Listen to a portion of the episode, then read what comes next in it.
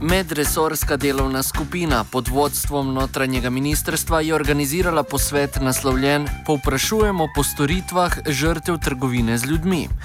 Na posvetu so eh, so sodelovali pardon, Sandy Čurin, nacionalni koordinator za boj proti trgovini z ljudmi, Daniela Frangeš iz Fakultete za varnostne vede, Mojca Pajnik iz Fakultete za družbene vede, Goran Lukič iz Zveze svobodnih sindikatov Slovenije in Rene Suša iz Društva za človekove pravice in človeku prijazne dejavnosti. Trgovina z ljudmi je sicer problem v celotni Evropski uniji, predvsem pa naj bi bila razširjena v državah bivše Jugoslavije. Omenjen pojav prav tako zajema svetovne razsežnosti, ki se je tekom druge globalizacije v zadnjih letih le še poglobil. Raziskava organizacije Samol Foundation, ki je bila izvedena pred letom dni, je namreč pokazala, da je število sužnjev danes večje kot v prvi globalizaciji leta 1860.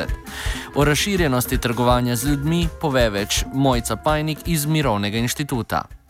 Ja, zdaj, uh, v bistvu z tem vprašanjem naletimo na um, zelo pomembno stvar, namreč kaj sploh je trgo, trgovina, trgovanje um, z ljudmi, kako ta pojem uh, razumemo. Ne? Zdaj imamo okrog tega uh, več možnih pogledov, ve, več definicij. Ne? Um, uh, ne? Po, po enem razumevanju v bistvu trgovanje z ljudmi razumemo z uh, nameni uh, seksualnega izkoriščanja. Ne? In v tem tipu diskurza uh, um, je trgovanje z ljudmi večinoma povezano z izkoriščanjem za namene uh, prisilne prostitucije. Ne. Zdaj, v zadnjih 15 letih bi rekla, da je prišlo do uh, spremembe oziroma do razširjanja uh, razumevanja tega pojma. Recimo, um, Mednarodna organizacija za uh, delo ne, je ena od tistih uh, mednarodnih institucij, ki se je zelo zauzemala za uh, razširitev um, pojmovanja trgovanja z ljudmi.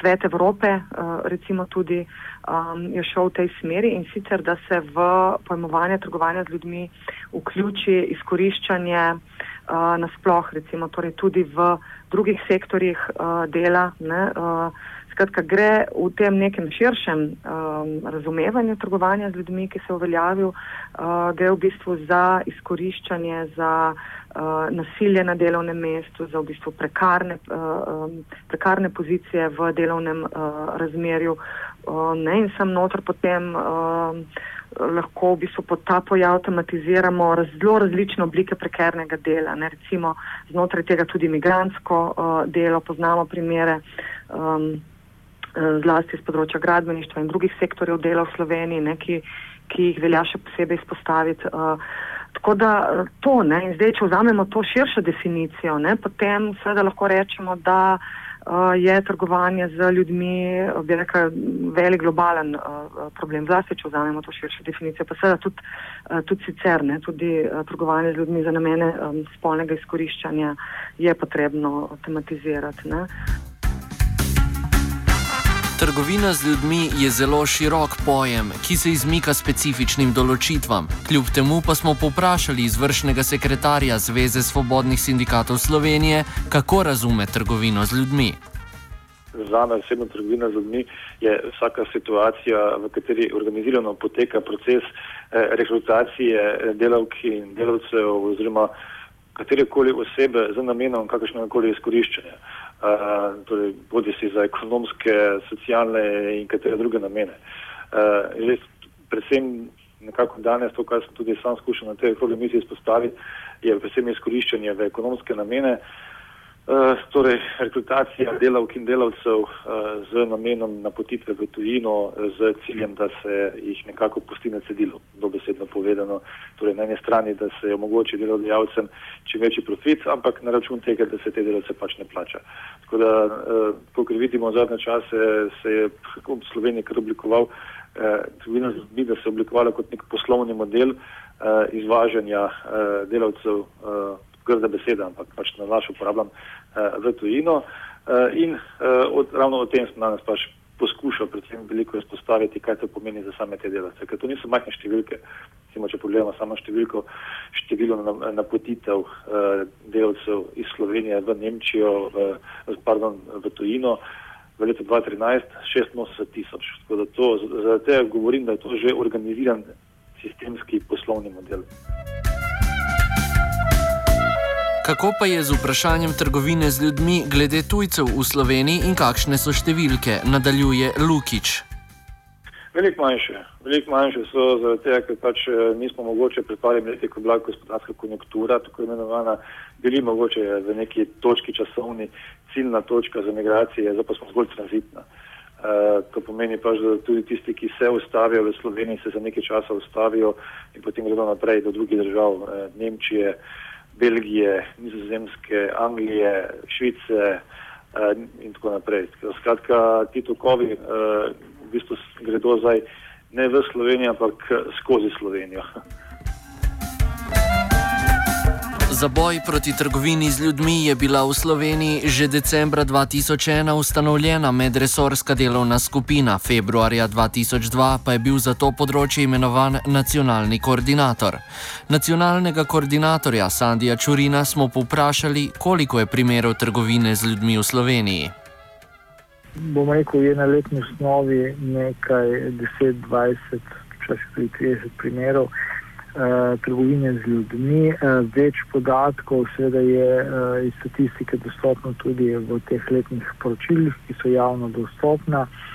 Uh, pomembno, kar velja, je to, da nekje od leta 2009 uh, beležimo tudi epilog sodnih, uh, prav, mislim, pravnomočnih uh, obsodb tega, tega kaznivega dejanja.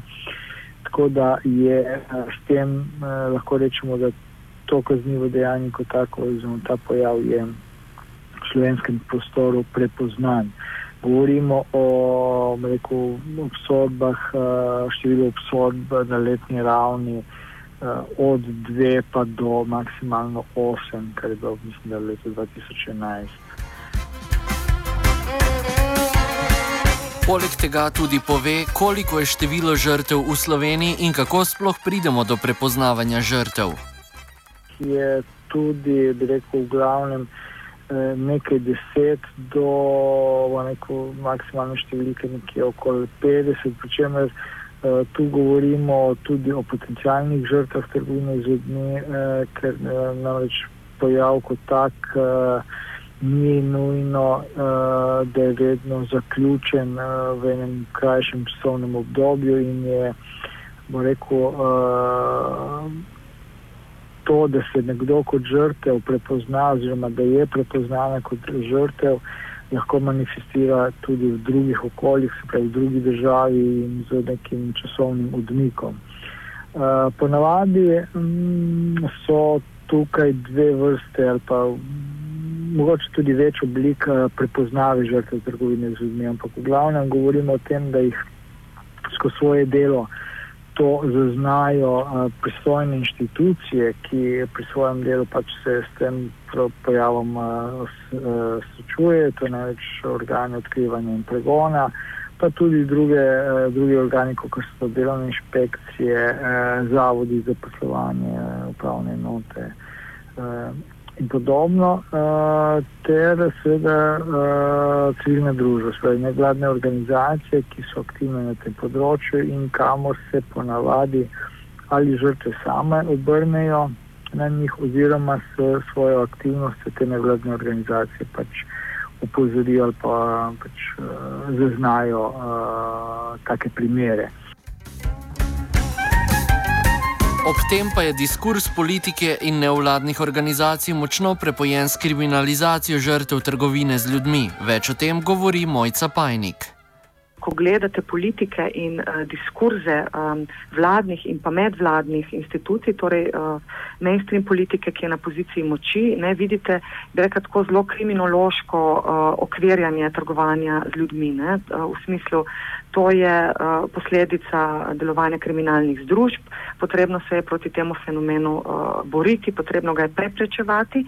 In kako ga preprečujemo, ne, večinoma z represivnimi politikami, ki so povezane z preprečevanjem migracij, če gremo zelo široko ne, v tem razumevanju, ki so povezane z um, preprečevanjem prostitucije in tako naprej. Ne. Tako da eden od problemov zakonodaje je, da torej okvirja trgovanje z ljudmi um, izključno oziroma ne, dominantno, tudi globalno, kot torej, um, problem kazanskega prava, ne, kot problem, ki ga povzroča kriminalne združbe, pri čemer je, mogoče zaznati res to odsotnost neke odgovornosti ne, do nekih družbenih procesov, kapitalizma, uh, izkoriščanja uh, neenakih razmeri moči v globalni perspektivi med recimo zahodnimi državami in tako imenovanimi državami tretjega sveta in tako naprej. Ne. Druga, tako rekoč hrbtna stran diskurza kriminalizacije, pa je viktimizacija žrtev, njena navidezno humana plat, ki le še utrjuje restri restriktivno politiko. Pardon, pajnik. Tem posvetu ne, sem tudi danes uh, želela to izpostaviti in sicer s citiranjem uh, zadnje številke Anti-Trafficking Review, kjer um, raziskovalci vzamejo pod drobnogled. Um, programe vlad uh, na globalni, tukaj govorimo o globalni uh, perspektivi Evrope, tudi noten, ampak tudi uh, širše, analizirajo programe vlad uh, boja proti trgovanju z ljudmi in tudi skozi denarne tokove, ne, skozi perspektivo denarja. In uh, recimo podatek je ta, da se na letni ravni v uh, to strategijo bojevanja proti trgovanju z ljudmi uh, ne, zato že vidimo na tej semantični, ki borimo se ne, ne, ne za delavce, ampak za to, da, uh, da preprečujemo neke kriminalce in tako naprej. Ne, da gre na letni ravni uh, v ta namen um, več kot 120 milijonov um, ameriških dolarjev. Tukaj so Združene države Amerike, eden od uh, velikih uh, akterjev, pa tudi sicer uh, druge države OECD.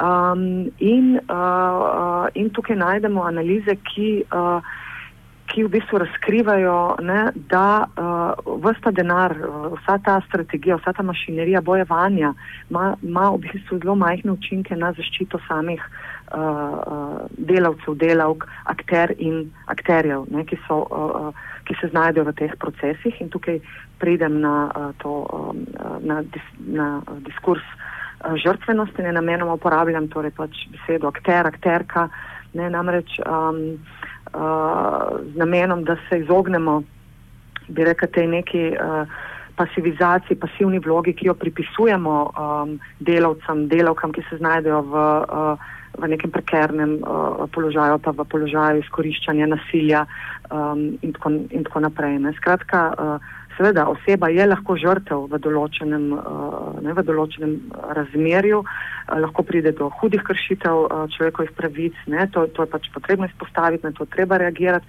Po drugi strani ne, pa nas je ta viktimizacijski diskurs, se pravi diskurs viktimizacije in diskurs kriminalizacije, pripeljal do tega, da primarno sprejemamo restriktivne politike, se pravi ne politike zaščite um, te žrtve, ampak politike, ki bodo preprečile, da bo ta žrtev lahko legalno prešla mejo in tako naprej. Ne. Skratka, smo v tem nekem uh, krogu, ne, kjer mislim, da bi bilo treba to viktimizacijo na nek način razbijati na točki, da prepoznavamo, da so uh, ne, ljudje, zdaj, če govorim v kontekstu migracij, ne, da gre za akterke, akterje, ki pač uh, sprejmejo pogum, ne se odločijo, grejo iz svoje države, eh, prehajajo meje in se na tej poti eh, nekih življenjskih potekov znajdejo lahko tudi v situaciji, ko so, ko so seveda žrtve. Ne, ni, ni, ne gre pa samo za to. Ne. Kot rešitev se veliko krat predstavlja legalizacijo prostitucije, ki v nekaterih državah že zaživela v praksi. O učinkovitosti te strategije v boju proti trgovini z ljudmi, ki je posledica temeljnejšega razmerja med spoloma in organizacijo dela, govori Pajnik. Zdaj, uh, legalizacija ne, uh, je pač uh, rešitev, ki bi rekli, lahko gre v smeri. Um, v bistvu uh, vidnosti ali pa večje zaščite pravic seksualnih delovk in delavcev kot, del, kot delovk in delavc, kar, kar dejansko tudi so. Ne. Se pravi, uh, ko legaliziraš, postaviš, postaviš, lahko, uh, se pravi, postaviš neke pravne norme, neke moralne okvire, kako naj ta, kako naj dejavnost prostitucije, uh, kako naj bo normirana, ne? kakšni so standardi. In v tem smislu je, ne, so ti koraki lahko za družbo zelo katarzični, ne? so zelo pomembni. Ne?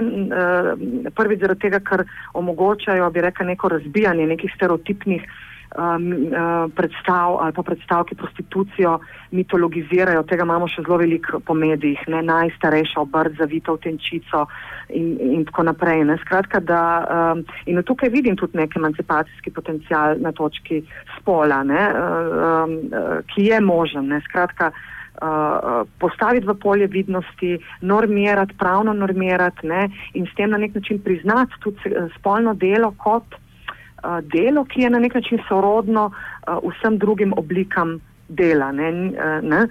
Uh, po drugi strani pa seveda so tudi neke specifike v tem delu, kot mogoče tudi v katerem drugem delu. Ne? Recimo pri spolnem delu so zelo povezane recimo z, um, z starostjo, ne? Um, zlasti recimo raziskave med starejšimi seksualnimi delavci in delavkami ne? se, se uh, pokažejo ne večjo prekarizacijo. Ne? Um, um, večjo ranljivost za izkoriščanje, ne, um, manjša možnost preživetja. Kljub temu pa legalizacija zajema le področje prava, ki je v potencialnosti družbene emancipacije omejeno področje.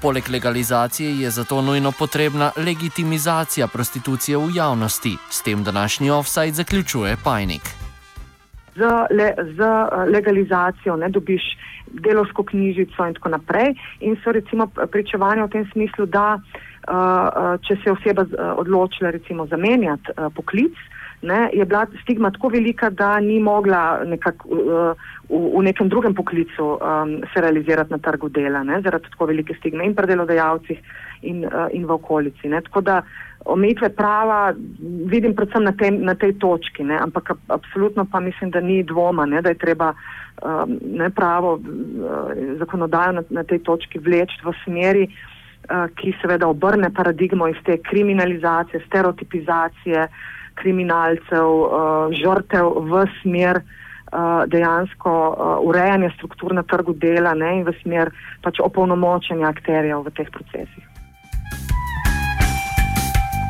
Offside sta pripravila Tit in vajenec Rok.